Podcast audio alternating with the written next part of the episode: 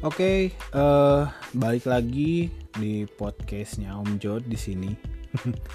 Podcast Om Jod obrolan menyenangkannya Jody. Apakah menyenangkan selama ini? Tentu belum tahu. Oke, selamat tahun baru 2022. Semoga kita tetap sehat selalu, tetap diberikan kekuatan untuk melangkah di hari-hari berikutnya. Jadi 2022 ini adalah tahun yang angkanya mengandung unsur dua. Menurut Feng Shui udah udah kayak di TV-TV tuh eh TV emang masih ada ya yang TV-TV yang menyiarkan ramalan tahun baru untuk tahun ini akan terjadi aduh. Emang eh kalian masih percaya ramalan-ramalan gitu ya?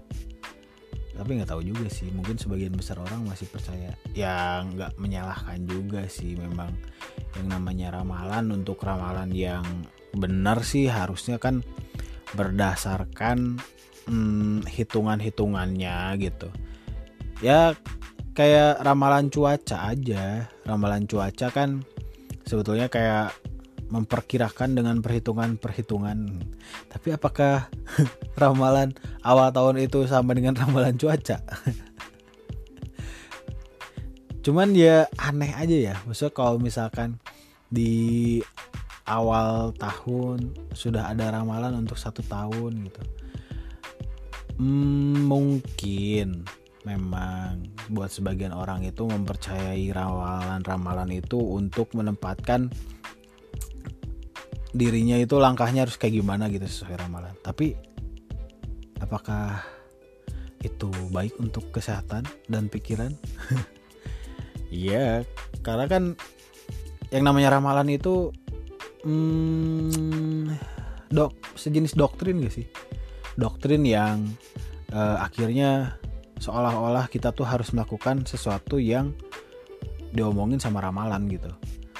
Uh, kita kan nggak pernah tahu ya, maksudnya ya namanya kita kan 5 detik 10 detik yang akan datang tuh nggak tahu. Tapi apakah kita harus tetap uh, mem memperkirakan langkah-langkahnya? Pasti.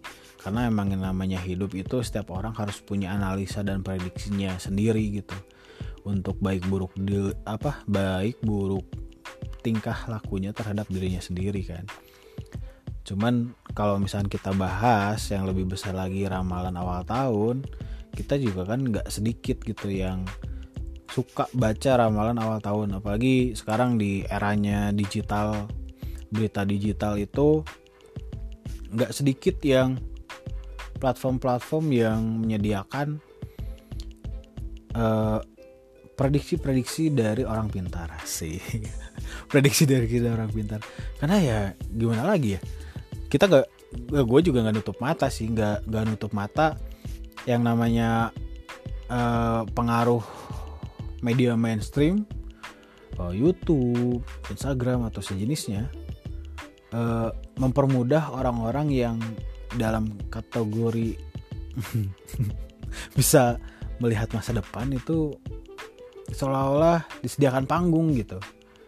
Yang menurut gua hal-hal tersebut itu ya mungkin buat sebagian orang bisa diyakini buat sebagian orang itu dianggapnya itu pembodohan aja ngapain sih gitu. Ya mungkin orang-orang yang menempatkan logika di atas segalanya ya ngapain juga percaya. Cuman kan untuk uh, yang gue kritisi di sini adalah uh, ngapain gitu ya gue juga gue termasuk yang cukup menikmati aja bukan untuk meyakini gitu.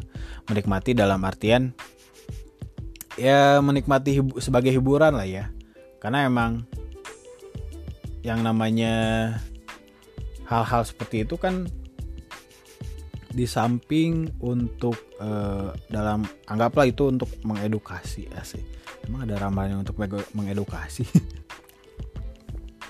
Tapi maksudnya yang gue maksud di sini adalah ketika ada uh, orang yang memprediksikan dalam satu tahun itu akan terjadi seperti apa itu memang eh, nggak uh, masuk akal sih untuk sebagian orang. Cuman yang buat gua yang buat gua adalah itu ya sebatas hiburan aja. Toh kalau misalkan memang pada akhirnya terjadi ya mungkin itu kan kuasa Tuhan. Kita nggak pernah ada yang tahu kan tapi apakah itu akan dikategorikan ramalan itu tepat?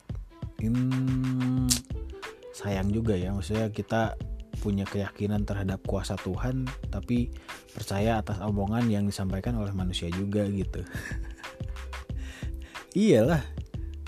Kalaupun memang uh, orang-orang yang dianggap punya kemampuan lebih itu uh, akhirnya dipercaya oleh sebagian banyak orang sah-sah aja untuk orang yang meyakini itu. Tapi apakah kita bijaksana untuk meyakini hal-hal yang menurut kita seharusnya itu adalah bagian dari kuasa Tuhan? Agak sayang aja.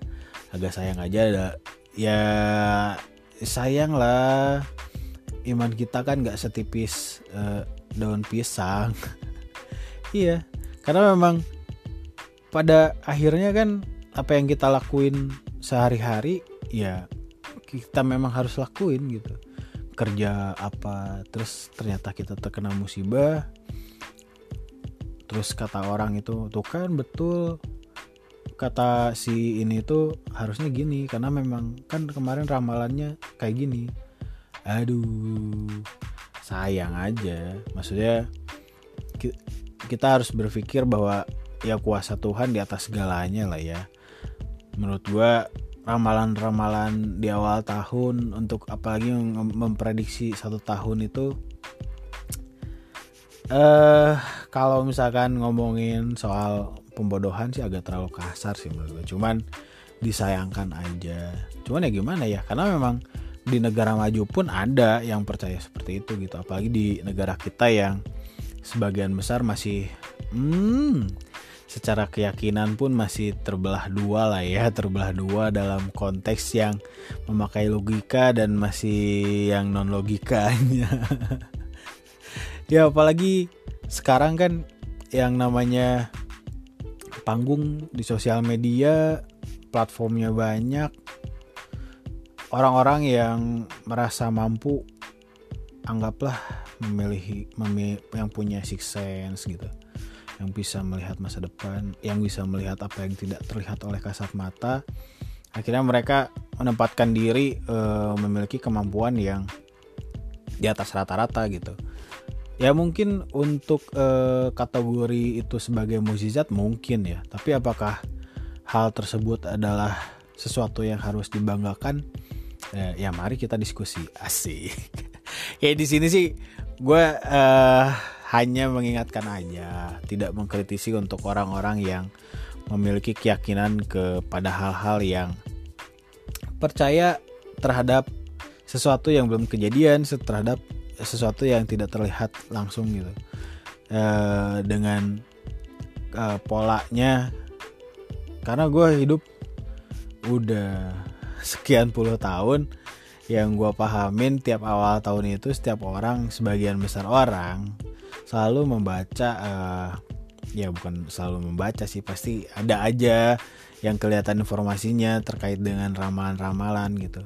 Ya buat gue sih eh terserah kalian lah tapi ya cukup mengingatkan aja bahwa eh, di mana ada eh, hal yang belum kejadian itu memang mungkin bisa terjadi. Tapi apakah semua hal yang terjadi itu adalah sesuai dengan apa yang diomongin oleh sesama manusia ya menurut gue sih masih ada kuasa Tuhan lah ya.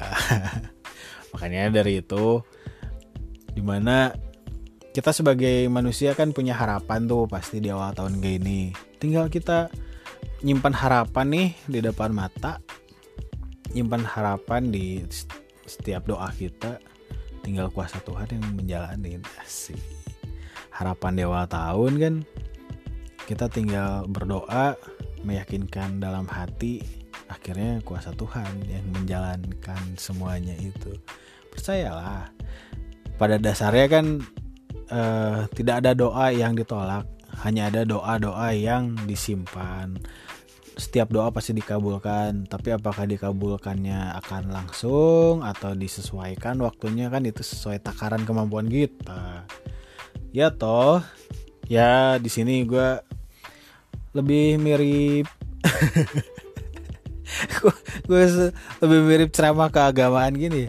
Gak sih gue cuman di sini di podcast kali ini gue ingin ikut merayakan awal tahun dengan cara uh, obrolan menyenangkan. Jody karena ya cukup uh, agak menggelitik aja kalau misalkan di uh, masa menuju metaverse teknologi 4.0 ini kalau misalkan kita masih percaya ramalan sesuatu yang belum terlihat dan belum kelihatan ya mungkin sah-sah aja buat sebagian orang. Tapi kita yang punya keyakinan terhadap Tuhan dan juga punya keilmuan yang cukup ya mbok ya kita bisa lebih bijaksana lagi. Setidaknya menenak dengan kita uh, menjalankan hari-hari dengan keyakinan kita ya hati lebih tenang dan lebih enjoy aja gitu. Untuk hal-hal yang di luar itu ya monggo monggo aja lah. Cuman di sini agak masih lucu aja gitu lucu. Cuman ya mari kita diskusi asih ya eh uh, 2021 sudah dilaluin mungkin buat sebagian orang 2021 itu ya pada prinsipnya gue pengen hidup aja gitu dan akhirnya alhamdulillah kita bisa masuk di 2022 ini semoga 2022 eh Semoga kita bisa belajar dari tahun lalu. Apa pun yang terjadi tahun lalu, semoga hal yang buruk gak pernah terjadi lagi di tahun ini. Dan semoga harapan yang disimpan dari tahun lalu bisa selamat lah, bisa muncul, bisa tercapai di tahun yang baru ini. Kita masih baru dua hari nih dari 2022, masih banyak 363 hari lagi.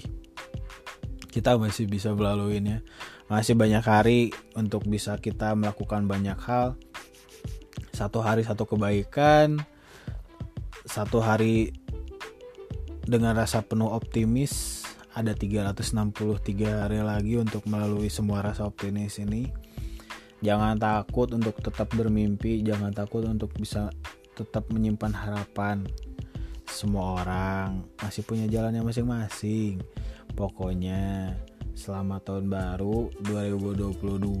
Jangan takut, jangan bimbang. Podcast Om Jod pasti akan muncul lagi di hari-hari berikutnya. Dengerin terus, pantengin terus, nikmatin terus. Jangan lupa sharing cerita kalau ada yang pengen cerita. Emailnya ada di profil di Spotify ini. Instagramnya ada di om titik jod double d gas sharing share apa pun yang pengen diceritain kita pengen uh, gue pengen menempatkan posisi podcast ini untuk membentuk dan menyenangkan lagi dalam berbagai hal. Semoga bisa menimbulkan rasa kebaikan-kebaikan yang lain. Sih di sini gue sebagai manusia mengingatkan saudara gue sebagai manusia yang lainnya. Semoga 2022 ini tetap menyenangkan, tetap fokus, tetap sehat, tetap hidup untuk tahun-tahun berikutnya. Semangat terus. I love you all.